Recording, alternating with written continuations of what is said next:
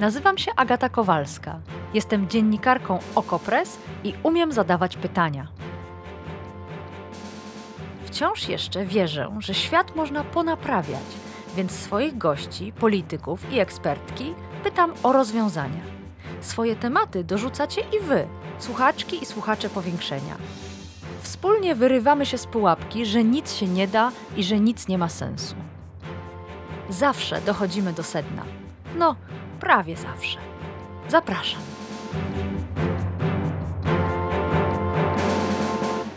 W Polsce pandemii nie widać. Zniknęły punkty masowego testowania, nikt nie namawia do szczepień, zapomnieliśmy o niedawnych limitach pasażerów czy widzów w kinie. Minister zdrowia jest zrelaksowany, a maseczka na twarzy budzi zdziwienie. Czy to znaczy, że pokonaliśmy koronawirusa SARS-CoV-2? Czy COVID-19 zmieniła się w sezonową grypę? Czy jesteśmy wreszcie bezpieczni? Sobotnie powiększenie służy obalaniu mitów. Nawet wtedy, gdy ten mit jest daleko przyjemniejszy od faktów. Zapraszam. A nasze przyjemne złudzenia rozwiewać będzie profesor Krzysztof Pyrć, wirusolog pracujący na Uniwersytecie Jagiellońskim i były członek Rady Medycznej przy premierze. Dzień dobry, panie profesorze. Dzień dobry. Zacznijmy od tego, skąd pan wie to, co pan wie. W jaki sposób obecnie określa się zagrożenie koronawirusem na świecie czy w Polsce? Skąd bierzemy dane, skoro, tak jak mówiłam, testowanie, przynajmniej w naszym kraju, praktycznie zniknęło? Hmm. To, na to pytanie trzeba by odpowiedzieć na dwóch poziomach. Pierwszy poziom, skąd bierzemy dane, bo to jest chyba dosyć ważne, kiedy pojawiają się nowe warianty, nagle pojawiają się w mediach informacje. My czasem uspokajamy, czasem mówimy, no słuchajcie, może być trochę nie, nie, nie bardzo.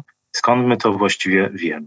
To wszystko zaczyna się tak naprawdę od y, laboratoriów diagnostycznych. Kiedy tych, z tych laboratoriów diagnostycznych napływają sygnały, w jakiejś części świata zwiększa się liczba przypadków, pojawiają się niepokojące sygnały, że na przykład testy diagnostyczne nie działają, wtedy podnoszona jest taka czerwona chorągiewka, że możliwe, że pojawił się nowy wariant, który może być w jakiś sposób niebezpieczny. W znaczącej większości przypadków to kończy się tylko i wyłącznie na tej chorągiewce, możliwe, że kilku tytułach E, że tak powiem, clickbaitowych w mediach. Natomiast w niektórych przypadkach e, idzie to trochę dalej. Jeżeli pani pyta, jak to wygląda w Polsce, no to tutaj sytuacja nie wygląda aż tak różowo. E, przez całą pandemię to takie testowanie masowe, które miało nam dostarczyć danych właśnie takiego pokarmu dla modeli matematycznych, e, pokarmu, który by mówił, gdzie my jesteśmy w pandemii, no niestety nie było prowadzone w takim zakresie, który, który pozwoliłby na uzyskanie pełnych danych, ale w jakiś sposób obrazowało to, co się dzieje. Natomiast no, od wiosny przestaliśmy testować masowo. Tutaj z góry powiem, że ja nie jestem przeciwny temu, żeby przestawać testować masowo, dlatego że testowanie masowe, takie, które były prowadzone wcześniej, które miały na celu izolację osób chorych, ma sens tylko jeżeli te osoby izolujemy. W momencie, kiedy te osoby nie są izolowane, kiedy nie wyłapujemy większości tych osób, e, no takie testowanie nie ma sensu, natomiast mm, no nic nie pojawiło się w zamian. Nie pojawił się system testowania, który by pozwolił nam określić, na jakim etapie pandemii jesteśmy w naszym kraju, a jednocześnie w ten sposób oszacować tego ryzyka. To teraz zastanówmy się, co się dzieje za naszą zachodnią granicą. Pisał o tym zresztą nawet mój redakcyjny kolega Sławomir Zagórski, zdziwiony, że w kraju, w którym wyszczepienie było dużo wyższe niż w Polsce, a jeszcze pisał o tym, jest to dobrze wyszczepione, ale i karne społeczeństwo, nagle umiera po 200 osób dziennie. Czy to oznacza, że szczepionki nie ratują życia, że nie umiemy tak naprawdę walczyć z tym wirusem i z tą chorobą. No nie, absolutnie to nie oznacza tego. Tak samo jak słyszę o tym, że jak to się dzieje, że na przykład we Włoszech mamy jakieś gigantyczne liczby przypadków, właśnie. a u nas tak mało. Czy to właśnie. oznacza, że u nich coś poszło nie tak? Nie, no to oznacza właśnie to, co powiedziałem chwilkę temu. Jeżeli nie testujemy, to nie będziemy znajdowali przypadków. Jeżeli nie testujemy, to również nie będziemy umierali na COVID, po prostu będziemy umierali i przyczyną będzie na przykład nagłe zatrzymanie krążenia czy niewydolność oddechowa, ale tego nie nazwiemy, więc statystyki tego nam nie pokażą. Natomiast no, niewiele to chyba zmienia dla osób, które nie przeżyją tej choroby albo dla ich bliskich, czy w statystyce zostaną wykazane, czy też nie. Także tutaj ja bym bardziej patrzył na to, jak na, na te dane w ten sposób, że jeżeli my zbiliśmy termometr, to no nie będziemy widzieli temperatury, no dobrze, a nie tak, że ale, u nich jest gorzej. Dobrze, ale to tłumaczy sytuację w Polsce, czyli nasze życie w błogiej nieświadomości. Ale mhm. o co chodzi z tymi wyszczepionymi Niemcami czy Włochami? Przecież tam rzeczywiście mhm. ta akcja szczepionkowa poszła dużo lepiej. Kto mhm. umiera? Czy umierają osoby zaszczepione? No oczywiście, że osoby zaszczepione również będą umierać, tak samo jak osoby, które występuje reinfekcja będą umierać, bo w tym momencie tak naprawdę całe społeczeństwo już jest albo zaszczepione na całym świecie, albo zaszczepione, albo przechorowało. No taka jest smutna prawda. W tych społeczeństwach, gdzie ta akcja szczepień poszła lepiej, mniej osób przechorowało, więc z czym mniejsza była to śmiertelność nadmiarowa. W innych krajach takich jak Polska, gdzie mniej osób się zaszczepiło, no niestety tych przypadków choroby tej takiej pierwotnej było więcej, w związku z czym też więcej ofiar ta, ta pandemia pochłonęła. Natomiast y, no, też musimy sobie zdać sprawę, że to nie jest gra komputerowa, gdzie wciskamy klawisz y, jeden i to oznacza, że jesteśmy w 100% chronieni. Od początku jakby podawane były wartości, czyli że te szczepionki nawet w tym, tym oryginalnym wariancie podawano wartości, na ile, w ilu procentach one chronią przed samym zakażeniem, w ilu procentach chronią przed samą chorobą i w ilu procentach chronią przed ciężką postacią choroby i śmiercią. I faktycznie pierwsze badania kliniczne w tym oryginalnym wariancie pokazały, że ta szczepionka jest niezwykle efektywna, dlatego że tam właściwie nie występowały ciężkie przypadki, takie, które wymagały intensywnej terapii nie występowały przypadki śmiertelne. Natomiast już na samym początku komunikowaliśmy, również jako zespół doradczy przy prezesie Polskiej Akademii Nauk, że czas działa na naszą niekorzyść, że tutaj ważne jest, żebyśmy wszyscy się szczepili, Ważne jest, żebyśmy to zrobili szybko, dlatego że wirus będzie się zmieniał, mm -hmm. wirus będzie starał się mm -hmm. dostosować do środowiska, a jednocześnie nasza odporność będzie spadała. I zgodnie z tym, co pisaliśmy, to było bodajże w styczniu 2021 roku, faktycznie tak jest. Z czasem po szczepieniu czy po przechorowaniu, bo to też jest w pewien sposób pokazanie naszemu układowi odpornościowemu, jak wygląda wirus, jak wygląda choroba, danie mu trochę narzędzi do obrony przed zakażeniem. E, z czasem ta ochrona zaczyna słabnąć.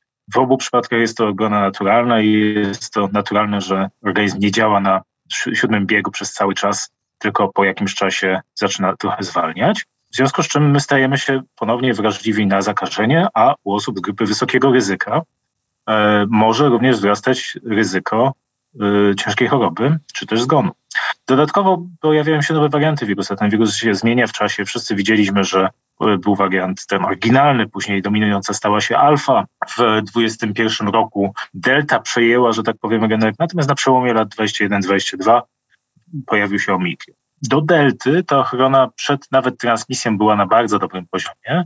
Natomiast y, przy omikronie y, ta ochrona jest znacznie słabsza. Mówię tu o ochronie przed samym zakażeniem, dlatego że ochrona przed ciężką postacią choroby i śmiercią jest dalej na bardzo dobrym poziomie, ale też musimy sobie zdawać sprawę z tego, że ten bardzo dobry poziom to jest 80-90%.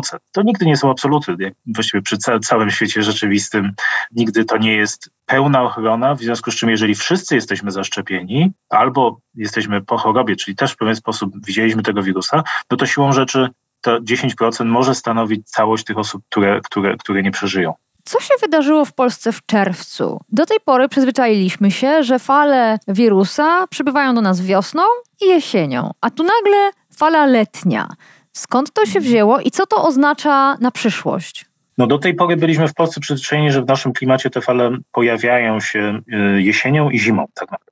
Natomiast również od samego początku widzieliśmy, że w ciepłych krajach ten wirus również ma się dobrze. Widzieliśmy, że w niektórych krajach wystąpiła na przykład fala delty właśnie na przełomie wiosny i lata w zeszłym roku. I co się stało, że u nas teraz pojawiła się ta fala, czy mówię o tym o Europie, o naszym klimacie. Generalnie mówimy o tym, że wirus jest sezonowy, czy ma cechy sezonowe, nie dlatego, że ponownie to jest jakiś absolut, tylko dlatego, że wirus lepiej przenosi się w okresie zimowym. Lepiej przenosi się dlatego, że on jest bardziej trwały w niższych temperaturach, w innych warunkach wilgotności, ale głównie dlatego, że nasze zachowania są sezonowe. Znacznie łatwiej jest zarazić się, kiedy jesteśmy na imprezie w domu u kogoś, gdzie jest 20 osób, niż na grillu na działce. Znacznie łatwiej zarazić się w autobusie, w którym są zamknięte okna, niż na rowerze na drodze. w związku z czym ta szansa jest stosunkowo wyższa w okresie zimowym. W związku z czym no, widzieliśmy falę zimo, jesienno-zimową. No tak, ale Natomiast panie profesorze, było, się... w maju było zimno, ale jednak w czerwcu śnieg nie padał, więc skąd się wzięła ta letnia fala? Do tego, do, mhm. do tego dążę. Na początku skąd się wzięły, wzięła, bierze w ogóle sezonowość, bo to jest ważne, żebyśmy to wiedzieli. To nie jest tak, że wirus znika nagle na miesiące wiosenno-letnie, tylko po prostu warunki nie sprzyjają temu przenoszeniu się. Wariant Omikron, ten BA5, on charakteryzuje się bardzo wysoką transmisyjnością. I ta transmisyjność jest na tyle duża, że nawet przy takiej ograniczonej liczbie kontaktów on jest w stanie się przenosić. I stąd widzimy falę. Tutaj chodzi wyłącznie o to, że ten wariant jest wystarczająco dopasowany, żeby korzystać z tych warunków, które może nie są najbardziej komfortowe dla niego właśnie wiosennoletnich. Natomiast no, my dalej się kontaktujemy, dalej się spotykamy. Jeżeli do transmisji dochodzi przez aerozole, jeżeli do transmisji dochodzi szybko przy kontakcie w krótkim czasie, no to będziemy widzieli tą transmisję. A ta transmisja to jest ta fala. Ta fala to nie jest jakaś mitologiczna fala, tylko to jest fala zakażeń, czyli e, liczba zakażeń w jednostce czasu. Ale minister zdrowia, pan minister Niedzielski, tak jak mówiłam, jest zrelaksowany i powiedział, że to nie jest żadna fala, tylko zwyżka. Znaczy, jeżeli pani mnie zapyta o to, czy, czy ja widzę różnicę między zwyżką a falą, no to powiem szczerze, nie wiem nawet co odpowiedzieć. Yy, Zwyżka mniej groźnie brzmi. A, no to chyba, że tak. To jeżeli ma mniej groźnie brzmieć, to faktycznie mniej groźnie brzmi. Natomiast, natomiast już mówiąc całkowicie na poważnie, mamy do czynienia z Omikronem. To jest wariant, który pojawił się w połowie listopada 2021 roku, który na nasze szczęście e, charakteryzował się bardzo wysoką transmisyjnością i tym, że bardzo dobrze unikał odpowiedzi naszego układu odpornościowego, więc mógł zakażać ponownie tych, którzy przechorowali, tych, którzy się zaszczepili. Natomiast równolegle powodował rzadziej ciężką chorobę. W związku z czym y, ta fala, która przyszła w okresie właśnie zimowym 22 roku tej zimy, e, była bardzo wysoka. Ona była znacznie wyższa. Ta liczba te liczby przypadków były obezwładniające jeżeli popatrzymy na wykresy, przekraczają wszystko, co widzieliśmy wcześniej. Natomiast to nie przepisało się na liczbę osób w szpitalach, nie przepisało się na liczbę zgonów czy na liczbę zajętych respiratorów. Z tego właśnie powodu, że po pierwsze ten wirus powodował łagodniejszą chorobę, czy może rzadziej powodował ciężką chorobę, a z drugiej strony dlatego, że właśnie wszyscy już tego wirusa widzieliśmy. I gdzieś wypadkową tej naszej odporności, którą nabyliśmy dzięki szczepieniom lub niestety część osób, przynajmniej częściowo nabyła y, odporność poprzez przechorowanie, sprawia, że ta choroba, którą widzieliśmy y, w zimie, spowodowana właśnie wariantem Omikron, statystycznie rzadziej prowadziła do hospitalizacji, rzadziej prowadziła do śmierci, w związku z czym nie doszło do przeładowania służby zdrowia. I my właściwie tę falę zaakceptowaliśmy. Nagle widzieliśmy wartości jakieś no, niespotykane. Wcześniej i mówiliśmy, ok, idzie w dobrym kierunku dlatego że mm, no, ten tragiczny efekt był znacznie mniejszy niż przy delcie, niż przy alfie. No, Teraz tak. pojawił się kolejny jakby subwariant, czyli BA5, to nie jest nowy wariant, jakby potomek ewolucyjny y, tego oryginalnego omikronu. Y, I te dane, które do nas docierają z y, krajów, gdzie y, ta fala zakażeń już jest bardzo wysoka, mówią, że z dużą dozą prawdopodobieństwa, podobnie jak ten omikron pierwotny, ta choroba rzadziej ma ciężki przebieg. To są dane na razie bardzo wstępne, to są dane szczątkowe, natomiast no, na czym musimy się opierać i bazując na tych danych można stwierdzić, że czy można mieć nadzieję, że ta fala, którą teraz widzimy, y, przepisze się na pewno na zwiększone obłożenie szpitali, bo no, jednak y, osoby z omikronem dalej chorują i chorują czasami ciężko, ale znacznie rzadziej. Natomiast miejmy nadzieję, że nie przepisze się na paraliż służby zdrowia. I to to, to, to jest chyba główna motywacja, czyli my zobaczymy te wzrosty, zobaczymy bardzo dużą liczbę przypadków, natomiast no, nie powinno przepisać się to na właśnie paraliż aparatu państwowego, paraliż państwa, no i gigantyczną liczbę zgonów. Ale tak jak mówiłem, to są pewne założenia, my powinniśmy teraz bacznie obserwować to, co się dzieje za granicą, gdzie już widzimy to, że ten BA5 staje się dominujący, bo również docierają takie informacje, że on częściej jednak powoduje zapalenia płuc. Ale z drugiej strony, jeżeli pani pyta, co my powinniśmy zrobić w kraju, no my powinniśmy wiedzieć, co się dzieje. W momencie, kiedy wycofaliśmy się z diagnostyki, straciliśmy jakiekolwiek narzędzie, które pozwalałoby nam monitorować, ile my mamy przypadków. Teraz my tak naprawdę nie jesteśmy w stanie skorelować tej liczby przypadków którą widzimy z liczbą ciężkich przypadków w szpitalach, liczbą zgonów, bo nie mamy tych danych.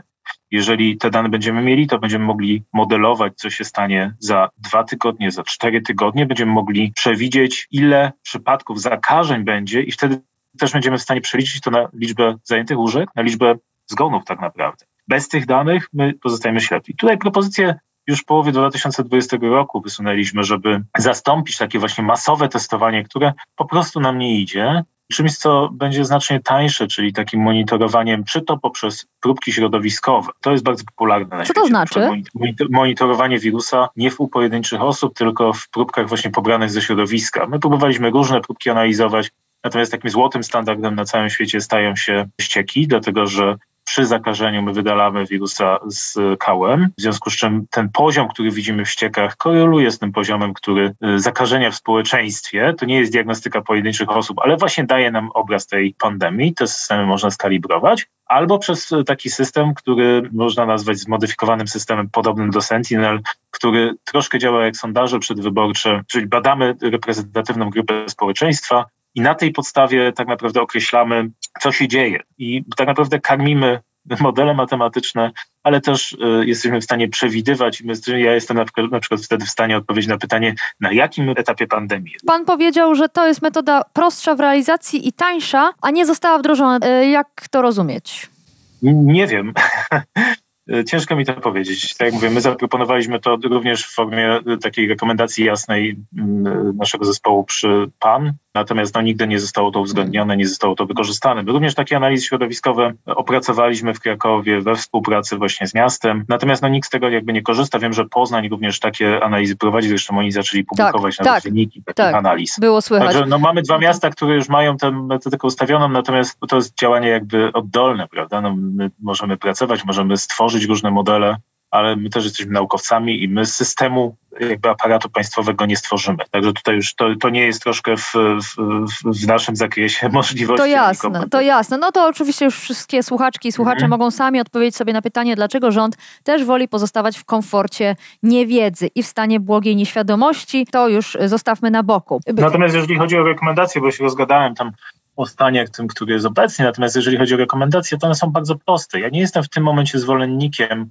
wprowadzania restrykcji z tego powodu, o którym powiedziałem, czyli że na razie te predykcje, które się pojawiają, mówią o tym, że ta fala będzie bardzo wysoka, ale że nie przepisze się na zgony, nie przepisze się na tragedię, w związku z czym no, też trzeba gdzieś wypośrodkować y, no, jednak y, działania do zagrożenia. Nie możemy tak po prostu decydować o podejmowaniu różnych działań, które zablokowałyby no, funkcjonowanie kraju i też by się przyczyniły w pewien sposób do tragedii ludzkich, jeżeli nie ma do tego dobrych podstaw. Natomiast tak jak powiedziałem, powinniśmy monitorować i powinniśmy jedną, właściwie dwie rzeczy bardzo ważne zrobić. Pierwsza rzecz to są szczepienia tak jak powiedziałem, ta sytuacja, którą mamy teraz, na którą liczymy, to jest wypadkowa łagodniejszego wariantu i odporności, którą mamy. Ta odporność spada z czasem, warianty się zmieniają. W tym momencie mamy BA5, czyli potomek omikronu. E, co będziemy jesienią? W tym momencie nie wiemy może być wariant, który będzie potomkiem na przykład delty, czy wariantu mu, czy innego wariantu, który jest znacznie bardziej agresywny, a jednocześnie u osób z grupy ryzyka ten poziom odporności no, nieustannie spada. W związku z czym chyba kluczowe jest, żeby osoby... Ale zaraz, zaraz, zaraz. Panie profesorze, bo mamy, to, to, to jest też pytanie jednego ze słuchaczy, pan Maciej napisał i to jest też moja wątpliwość. Pan Maciej ujął mhm. sprawę tak. Martwi mnie, że tempo mutacji zostawia w tyle rozwój szczepionek. Czekam mhm. na opinię specjalistów, na ile w ogóle czwarta dawka e, może być skuteczna przeciwko obecnym wariantom. Co pan mhm. na to? Bardzo ważne pytanie, tak naprawdę, i znowu się chyba rozgadam na ten temat. Ale na początek bardzo szybka odpowiedź. Jeżeli chodzi o skuteczność szczepionek względem wariantu Omikron, jeżeli popatrzymy sobie na efektywność w zapobieganiu zakażeniu czy samej chorobie, ona jest bardzo mała. Czyli przy omikronie jakby już te szczepionki nie stanowią takiej bariery, że osoba, która jest zaszczepiona będzie w mniejszym stopniu zakaźna, w mniejszym stopniu będzie przenosiła wirusa. I też z tego tytułu jakby wycofano się, może nie wycofano się, raczej dopasowano zasady przejazdu w ten sposób, że teraz te certyfikaty COVID no, zeszły na drugi plan, bo nie mamy narzędzi, żeby tak naprawdę one miały sens. Natomiast z drugiej strony patrząc, y, skuteczność tych szczepionek w zapobieganiu ciężkiej chorobie, zapobieganiu hospitalizacji, zapobieganiu śmierci jest bardzo wysoka. Dlaczego? Dlatego, że y, przeciwciała, te takie neutralizujące, czyli te, które blokują wirusa, one stają się coraz mniej skuteczne.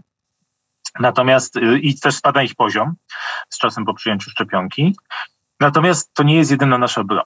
My mamy po pierwsze odpowiedź humoralną, czyli ten zestaw przeciwciał. Po drugie mamy odporność komórkową, czyli całą drugą linię obrony, która działa wolniej, więc ona nie zapobiegnie zakażeniu, ale sprawi, że ten przebieg tej choroby będzie oczywiście statystycznie Ale biorąc, chwileczkę. Panie profesorze, to, to co pan mówi znaczy, że czwarta dawka już teraz chroni przed ciężkim przebiegiem choroby czy też zgonem, również przed odmianą BA5 Omikrona? Tak, to, to, tylko że znowu uściślimy chroni, bo to my często używamy mówią, chroni mówiąc w sensie redukcja ryzyka, prawda? To nigdy nie jest stuprocentowe, to należy podkreślić, bo część osób jakby później ma pretensje o to, że, że przecież mówiliśmy, że 100%.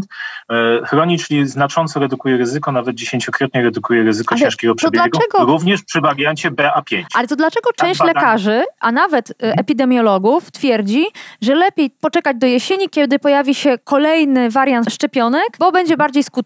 To kto Bardzo ma rację? Pytanie. Bardzo dobre pytanie. Bodajże trzy dni temu zmieniły się rekomendacje. Do niedawna, można w związku z tym powiedzieć, mówiło się o tym, słuchajcie, poczekajcie przez to lato, dlatego że y, ryzyko zakażenia w ciągu lata jest nie takie wysokie. Nie szczepcie się może na razie tą czwartą dawką, poczekajcie na te aktualizowane szczepionki, bo one mogą dostarczyć wam jeszcze lepszej Mhm, ochrony. mhm. Natomiast ponieważ pojawiła się fala BA5, która wzrasta w błyskawicznym tempie, ryzyko na zaka- zakażenia również rośnie błyskawicznie. Jeżeli mówimy o ogóle populacji, to tutaj nic się nie zmienia. Ta odporność, którą na przykład ja mam po szczepieniu, jestem po trzech dawkach szczepienia, chociaż to było bardzo dawno temu, bo to było wczesną jesienią zeszłego roku, ona ja, mi wystarczy do tego, żeby to ryzyko ciężkiego przebiegu było bardzo małe. Ale u osób z grup ryzyka, wysokiego ryzyka, już tutaj ta sprawa nie wygląda tak pięknie. Bo jeżeli ktoś jest w podeszłym wieku, jeżeli ktoś ma upośledzone działanie układu odpornościowego, to może się okazać, że ten poziom odporności znacznie szybciej spada i ja już w tym momencie nie jestem chroniony przed ciężką postacią choroby. Już parę miesięcy temu w związku właśnie z tym wprowadzono zasadę, że osoby powyżej 80 roku życia powinny przyjąć tą kolejną dawkę przypominającą, żeby odnowić tą, od- tą ochronę e, zanim pojawią się e, nowe warianty szczepionek, a w tym momencie w obliczu właśnie do tego zagrożenia, które się pojawiło, którego wcześniej nie przewidywaliśmy, e, zarówno Europejska Agencja Leków, jak i ECDC, czyli Europejskie Centrum do Spraw Kontroli Chorób, wydały rekomendacje w oparciu o analizę korzyści i ryzyka, że jednak powinna ta grupa zostać rozszerzona, bo nawet osoby powyżej 60 roku życia, osoby z chorobami podstawowymi, e, mogą ucierpieć z powodu właśnie tej fali BA5. No i młodsi, ale Ale- przyjmujący leki immunosupresyjne. No i to właśnie o tym mówię, osoby z grup ryzyka, Mm. prawda? Osoby w podeszłym wieku i osoby z grup ryzyka powinny przyjąć tą dawkę szczepionki już teraz, dlatego że jest bardzo wysoka szansa, że oni spotkają się z tym wirusem, a ta ochrona, którą mają, może być niewystarczająca. I stąd jest ta pozorna niezgodność, a tak naprawdę jest to no, dosyć dynamiczna odpowiedź na to, co się wydarza i na to, że ten świat rzeczywisty, no on się zmienia po prostu. No, musimy dostosowywać rekomendacje do tego, jak się wirus zmienia, jak się świat zmienia, jak pandemia się zmienia. Tak samo jak rekomendacje noście maseczki, jak chyba wszyscy zauważyli, nie jest rekomendacją na zawsze, tylko powinna być modyfikowana w zależności od aktualnej sytuacji. Tak samo w tym wypadku. Pojawiła się fala BA5. Uzasadnione jest, żeby osoby z grupy wysokiego ryzyka, na przykład po konsultacji z le- lekarzem, y, taką szczepionkę przyjmowały. Natomiast tu jest jeszcze jedna ważna rzecz, dlatego że znowu zapanowała y, no, zapanował duży optymizm, że pojawią się aktualizowane szczepionki i to będzie na początku września. Po pierwsze, aktualizowane szczepionki, te badania czy wyniki zostaną przedstawione przez firmy do Europejskiej Agencji Leków i jeżeli wszystko będzie w porządku, to i faktycznie będą one miały wyższą skuteczność, bo bez badań my tego nie jesteśmy w stanie powiedzieć jednoznacznie przecież. No to wtedy na początku września prawdopodobnie Europejska Agencja Leków te szczepionki zatwierdzi. Natomiast no, nikt nie może zagwarantować, że wyniki badań będą takie, jak oczekujemy, czy jak, jak oczekują firmy farmaceutyczne. E, I no, taka decyzja musi być oparta na realnych danych, a nie na naszym wishful thinking. W związku z czym y, no, te szczepionki, miejmy nadzieję, będą dostępne na początku września, ale pewnie tego nie możemy być. A druga sprawa jest, że te szczepionki, o których tutaj mówimy, to są szczepionki, które są skierowane przeciw wariantowi Omikron. A tak jak powiedziałem wcześniej, jaki wariant będzie dominujący jesienią, tego nie wiemy. W związku z czym to jest troszkę trosz- troszkę bardziej złożona sprawa i wymagająca tak naprawdę takiego dosyć aktywnego reagowania na to, co się dzieje, jak się wirus zmienia i jak się sytuacja epidemiczna zmienia. W tym momencie tak naprawdę pojawiły się przesłanki do tego, że osoby z grupy ryzyka powinny przyjąć dawkę przypominającą, tak żeby być chronione w czasie tej obecnej fali, która wzrasta. E, powiedział Pan, że świat się zmienia, nasza wiedza się zmienia i o to też pyta słuchaczka, pani Maria, która chciałaby wiedzieć, czy przez te kilkadziesiąt już miesięcy życia z mm, koronawirusem zmieniły się zalecenia, jeśli chodzi o taką higienę domową, jeśli chodzi o dezynfekcję, izolację chorych, czy też cały czas te stare zasady, czyli często myć ręce, e, nosić maseczkę, nie przebywać w miejscach, w których jest dużo ludzi i nie ma wentylacji, czy one pozostają cały czas takie same, czy coś się zmieniło? Pani Maria szczególnie chciałaby wiedzieć, czy wciąż prawdą jest, że wirus praktycznie przez powierzchnię, przez dotyk powierzchni się nie przenosi. Mhm. Pierwsza sprawa jest taka, czy zmieniły się rekomendacje w zakresie na przykład noszenia maseczek? Tak, widzimy, na całym świecie się zmieniały i w okresie letnim, czy teraz, kiedy pojawił się omikron, większość e, krajów wycofała się z noszenia maseczek obowiązkowego. Natomiast to nie oznacza, że one zmieniły swoją efektywność, to oznacza, że e, zmienia się właśnie poziom zagrożenia i do tego jest dopasowywany poziom, e, czy do tego są dostosowywane zasady, zasady gry. Natomiast jeżeli chodzi o samą efektywność tych środków ochrony, to chyba też ważne, żebyśmy sobie jeszcze raz przeszli przez to, jaka jest rola poszczególnych środków ochrony. Jeżeli mówimy o transmisji wirusa przez powierzchnie płaskie, przez właśnie dotyk, to ta transmisja istnieje. Ona na początku szczególnie była istotna, w momencie, kiedy był ten pierwszy wariant oryginalny, który przenosił się drogą kropelkową w znacznie mniejszym stopniu lub w ogóle przez aerozole się nie przenosił. I wtedy głównymi ścieżkami transmisji to były właśnie, to była właśnie droga kropelkowa, czyli bliska, bliski kontakt z zakażoną osobą, rozmowa z tą osobą, jak również przedmioty, które były skażone tym wirusem. Kolejne warianty były coraz bardziej dostosowane do naszych organizmów, do tego, że my właśnie nosimy maseczki no i, i staramy się dezynfekować powierzchnię na przykład, w związku z czym one zaczęły przenosić się przez aerozole. W tym wypadku ta droga transmisji, która stała się dominująca, to były właśnie aerozole i rola tej dezynfekcji gdzieś się zmniejszyła. Więc odpowiadając na pytanie, dezynfekcja tak w formie higieny, czyli mycia rąk, to ja bym to utrzymał niezależnie od tego, czy mamy pandemię, czy nie. Na pewno to jest jakaś ścieżka, którą warto, którą warto się zastanowić. Natomiast jeżeli chodzi o transmisję y, poprzez drogę kropelkową aerozole, Maseczki takie zwykłe chirurgiczne stanowią środek, który redukuje transmisję tego wirusa w populacji. One nie, nie, nie stanowią jakiejś magicznej tarczy, która nas ochroni przed zakażeniem. To chyba wszyscy od początku wiemy. Natomiast w momencie, kiedy jesteśmy zakażeni, niekoniecznie mamy objawy choroby, możemy być przedobjawowi, czyli jeszcze u nas nie pojawiły się jasne symptomy, a już jesteśmy zakaźni. Kiedy mówimy, kiedy kaszlemy, kiedy rozmawiamy, generujemy bardzo dużo kropelek śliny, które wydostają się z naszych dróg oddechowych i właśnie przenoszą tego wirusa. Taka maseczka ma na celu zredukowanie tak naprawdę ilości tych cząstek śliny zawierających wirusa i taką rolę spełnia. Czyli ona ma sens wtedy, kiedy wszyscy nosimy te maseczki. Kiedy w danym pomieszczeniu wszyscy mają te maseczki, ryzyko, że jeżeli pojawi się osoba zakażona, to ona przekaże tego wirusa dalej, jest po prostu mniejsze. Czyli, czyli panie profesorze, czyli, czyli, bo tu mhm. jeden ze słuchaczy napisał, że wszedł do sklepu i był jedyną osobą w maseczce, czuł się dziwnie i czuł, że jest obserwowany.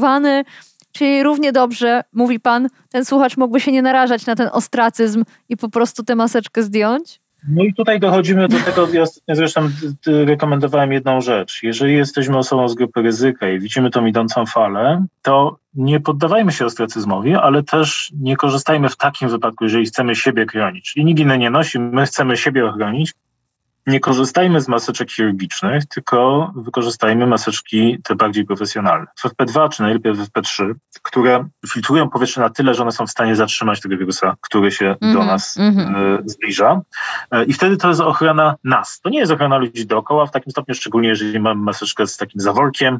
E, natomiast my wtedy siebie chronimy i w tym wypadku te osoby z grupy wysokiego ryzyka mogą rozważyć, jeżeli się boją, mogą rozważyć właśnie takie środki zabezpieczające. To nigdy nie będzie bez pełnego kombinezonu, bez całego systemu, to nigdy nie będzie pełna ochrona, ale ponieważ teraz tych maseczek mamy nadmiar i możemy sobie na to pozwolić, że nie zabieramy już medykom, nie zabieramy ratownikom, to możemy rozważyć, żeby takie maseczki stosować, żeby chronić siebie. Rekomendował profesor Krzysztof Pyrć, wirusolog z Uniwersytetu Jagiellońskiego, były członek Rady Medycznej przy premierze. Bardzo dziękuję panie profesorze. Bardzo dziękuję.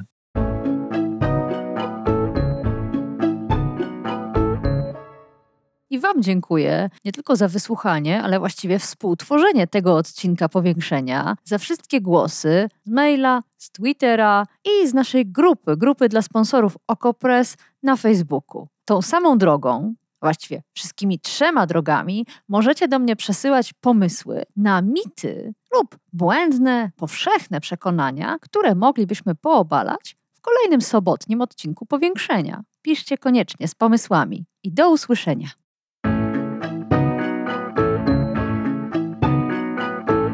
To było Powiększenie, podcast Agaty Kowalskiej. Powiększenie znajdziesz na stronie Okopres i w Twojej ulubionej aplikacji do podcastów. Masz pomysł na temat albo komentarz? Napisz do mnie agata.kowalska małpaoko.press Stałych darczyńców zapraszamy na grupę Okopres na Facebooku Twoja okolica. Tam też toczymy dyskusje o świecie i o podcaście. Dziękujemy za Wasze wsparcie.